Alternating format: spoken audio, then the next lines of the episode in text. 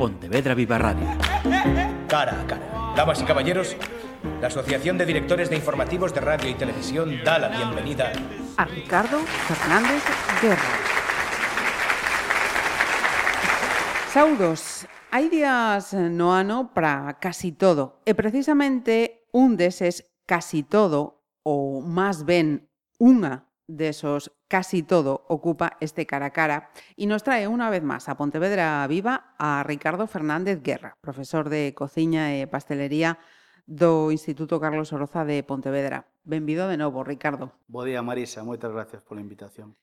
Eh, 30 de xullo, Día Mundial da Tarta de Queixo, que non é a única ata onde poden ver hai Día da Tarta de Chocolate, da de mazá, da de zanahoria. E tamén Día Mundial da Tarta, así, en, en xeral.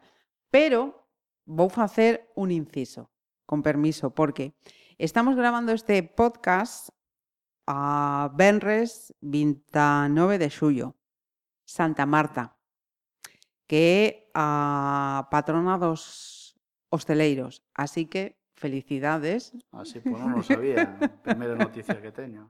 Gracias. Felicitacións ao oh, Carlos Oroza e a todas aquelas persoas adicadas á hostelería, por suposto. Feito paréntesis, imos a, a tarta, en concreto a tarta de queixo, eh, cusos primeiros eh, familiares parece ser eh, que estaban xa na, na antiga Grecia.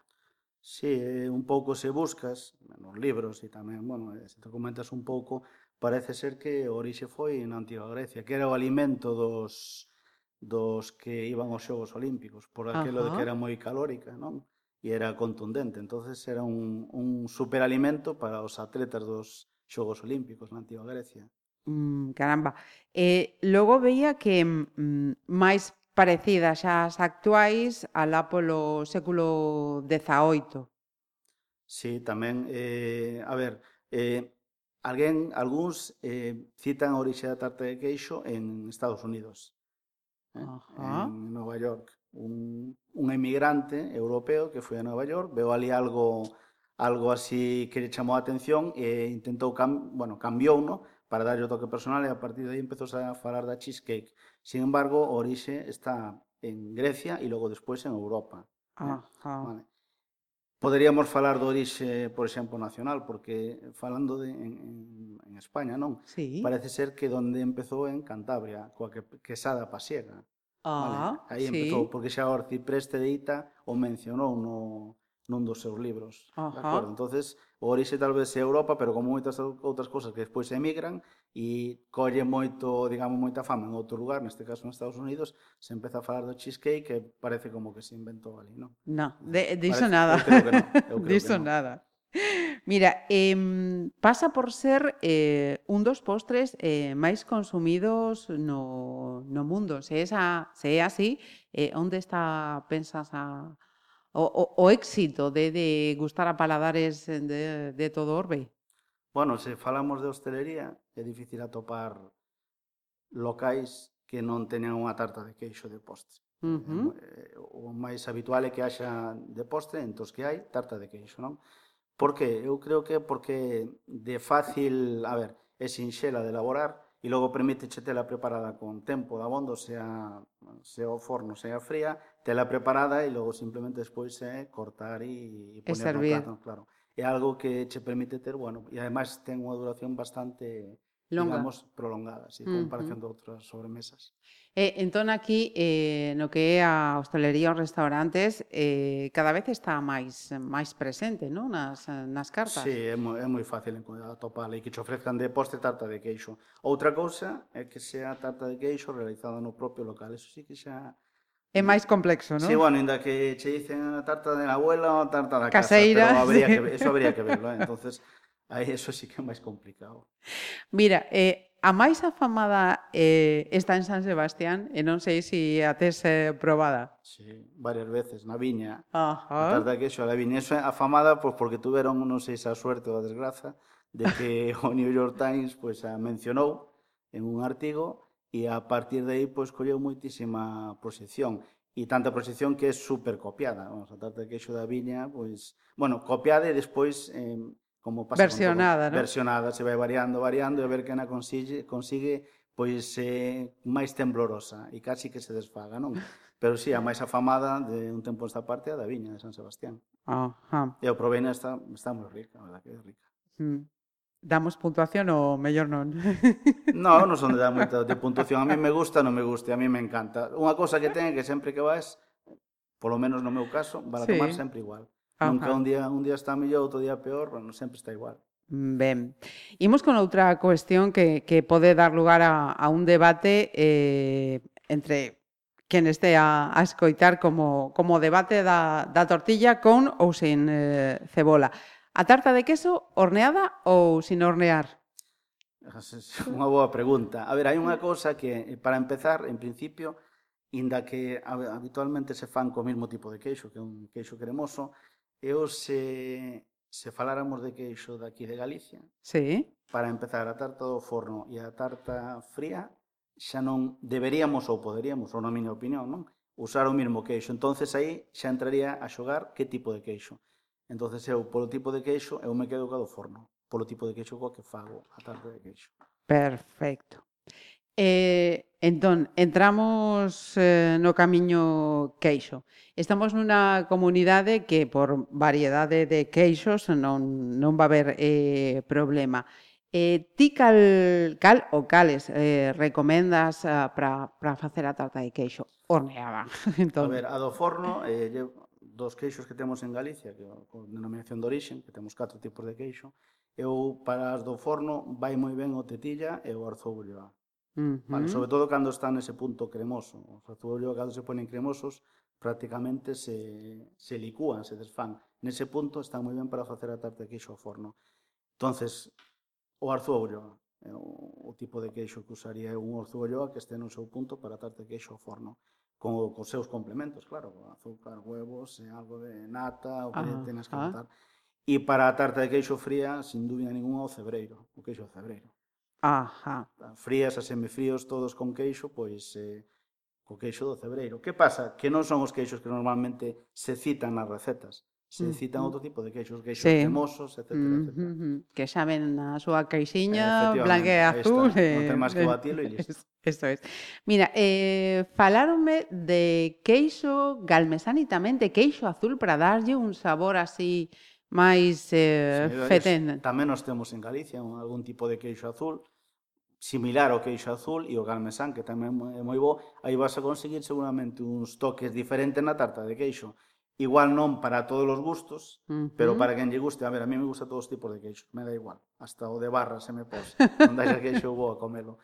Pero se lle das un toque con queixo azul ou con almesán, seguramente haberá xente que sea por moi fan dese tipo de dese tipo de sabor. A mí ah, me gustan, ah. Eh, son queixos fortes. Uh -huh. Ben, Eh, ti, Ricardo, eres partidario de engadir eh, máis ingredientes a, esta tarta, porque tamén temos visto tartas de queixo con trozos de froitas, con capa de, de mermelada, de chocolate, froitos secos, whisky... Mm. Ti que pensas? Eu son eu, eu para comer son super básico e super simple, entonces non me gusta complicar as recetas, nin as elaboracións. Eu se tarta de queixo, ou forno ou fría, ou semifría, os ingredientes básicos. Eso é a mí é o que me satisface. Se empezamos a meter ingredientes e a, digamos, a, a engadir cousas que non están, home, se pode probar uh -huh. e se poden facer experiencias, pero a mí me gusta o sinxelo. Entonces, tarta de queixo ao forno, o queixo, os ingredientes que ten que levar, eh, que este ben cocida e ademais a fría, pois o mismo, sen meter demasiadas variacións. Menos es máis. Eh, para mí sí, sempre. Perfecto. Eh, dos derivados da, da tarta de queixo, que, que opinas? Refírome o, o xado de tarta de queixo, sorbete de queixo, iogures de tarta de queixo. O mismo, o mismo que antes, a ver, o xeado, hai un, cada vez hai máis sabores de xeado, hasta sí, de sí.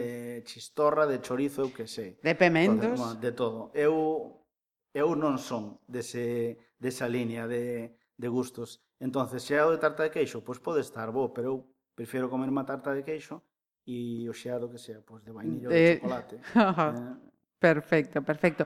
Eh, non sei se é moito pedir alguna receita de tarta de queixo. No, eu, a ver, eh, vin aquí con... Non tuve tempo de imprimilas, que a mí me gusta moito o papel, pero vim aquí con dúas outras recetas, pero son receitas que seguramente das persoas que nos escoiten e que fagan algo en cociña, eu creo que en cada casa debe haber unha tarta, unha receta de tarta de queixo casi seguro, uh -huh. destas básicas. Pero teño aquí dúas, ou unha podemos coller, que as troixen porque, bueno, pois son de persoas que naceron esta persona Zulima, me parece que naceu no ano 46, Toma. e teño aquí unha, unha receita pois en un papel, bueno, a foto non, unha libreta de cociña que o papel está amarillento xa de tanto usalo e, e pon tarta de queixo. entonces estuve en das que busquei, dixen, mire, este sencilla, que seguro que calquera na casa ten algo parecido ou, ou dirá, ah, pois eu isto non lle poño, o poño de outra maneira, non? Uh -huh. eh, e incluso a elaboración é moi curiosa, porque a elaboración son dúas liñas, entonces a elabora... son dúas liñas porque o entenderá a persona que que, que escribiu, que escribiu. Eh. Pero, sí, pues, sí. para que vexamos como son as, as receitas. As receitas de entón. Uh -huh. Caseiras, non, pon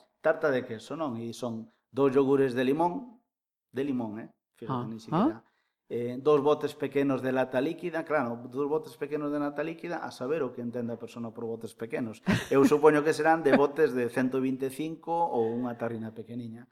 Logo, dúas tazas de fariña, dúas tazas de azúcar, nove quesitos, Os quesitos son os supoño que os de caserío os de, de toda a vida. Eh. Eso, eh? Hai xente que pon os nombres e non. E logo pon huevos. entonces o dos huevos é como vamos a investigar cantos huevos, pero non pon cantidad. Eu creo que para esta cantidad poden ser dos huevos e logo despois un pouco de levadura, que será a levadura royal. Uh -huh. Logo a elaboración é untar a bandexa con manteiga, botarlle un pouco de fariña e botar a mezcla toda e meter ao forno. Entonces, estas tipo de recetas Feito. para mí me parecen super curiosas. Sí, pero tamén penso porque eh, eran mulleres que, que teñan moitísima experiencia na, na cociña e eh, enseguida arranxaban, sí, sí, sí. non? Uh -huh. E, bueno, pois pues, teño máis recetas así. Teño tamén a receta da tarta que, bueno, que está publicada da, de la viña de San Sebastián, Ajá. Eh, que tamén se pode dar. Ese é máis, eh, digamos, máis matemática, non máis exacta. entonces a tarta de la viña é un kilo de queixo crema, sete ovos, 400 gramos de azúcar, 20 gramos de faliña e un medio litro de nata. Ajá. a, esa é a receita. Entonces pon que ao principio hai que quentar o forno a 220 grados, logo despois se forra o molde onde vamos cocer a, a tarta con papel de forno, sí, porque esta é unha tarta moi líquida. Logo despois a elaboración é bater e mezclar todos os ingredientes, empezando polos ovos e o azúcar. Uh -huh. Logo despois engadimos o queixo, seguimos batindo. Logo despois a nata máis a fariña. Unha vez que está a mezcla feita, se bota no molde e se coce no forno pero a 210 grados, o sea, se baixan 10 grados o forno. Durante máis ou menos 40 minutos. Deixamos enfriar E cando está fría xa podemos comer. Este é unha catarta que normalmente sale super temblorosa e mm. polo medio está casi cruda, non? Ah, entón, este é ah. a famosa tarta da viña a que teñen eles publicada. Uh -huh. E podemos eh, mudar eh, o tipo de queixo polo que sinalabas, tetilla e arco Claro, eu collería para este tipo de queixo crema, a ver, por facer un ensayo, eu xo fixen, eh? sí, sí. pero coller un arzuollo que este nese punto de que xa está cremoso como para untar e a tarta sale ben. Mm. Estas horas... De, a calquera hora. Eh, por certo, eh, para rematar unha pregunta que mm, podía ter feita o, o comezo, que xa creo saber a resposta polo que tes dito en algún momento desta, desta charla, ti eh, eres fan da tarta de queixo. A ver, a mí me gusta a tarta de queixo. Eu prefiero o queixo sin ningún tipo de maquillar, pero a mí a tarta de queixo me gusta, e me gusta a tarta de queixo forma. Se ah, está ben cocida. Ben cocida me refiero nese punto así que está jugosita. Perfecto. Pois eh, palabra de Ricardo Fernández, profesor de cociña e pastelería do Instituto Carlos Oroza, a quen damos unha vez máis as grazas eh, por a, a acompañarnos, por estar aquí en pleno mes de xullo, eh, a piques de, de, de, dun descansiño, non? Vacacións, vacacións... Sí, bueno, hasta o, hasta o rabo todo de toro. entonces hoxe era día de traballo. A partir de mañá sí que xa vamos coller un, uns días de descanso. Pois eh, bo descanso e bo día de Santa Marta para todos os colegas da profesión. Muchas gracias. Pontevedra Viva Radio.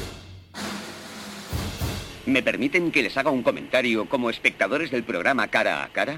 Según un reciente sondeo de mercado, ustedes disponen de estudios e inteligencias superiores a la media. Sus intereses abarcan desde la actualidad mundial y la ciencia hasta el deporte y los espectáculos.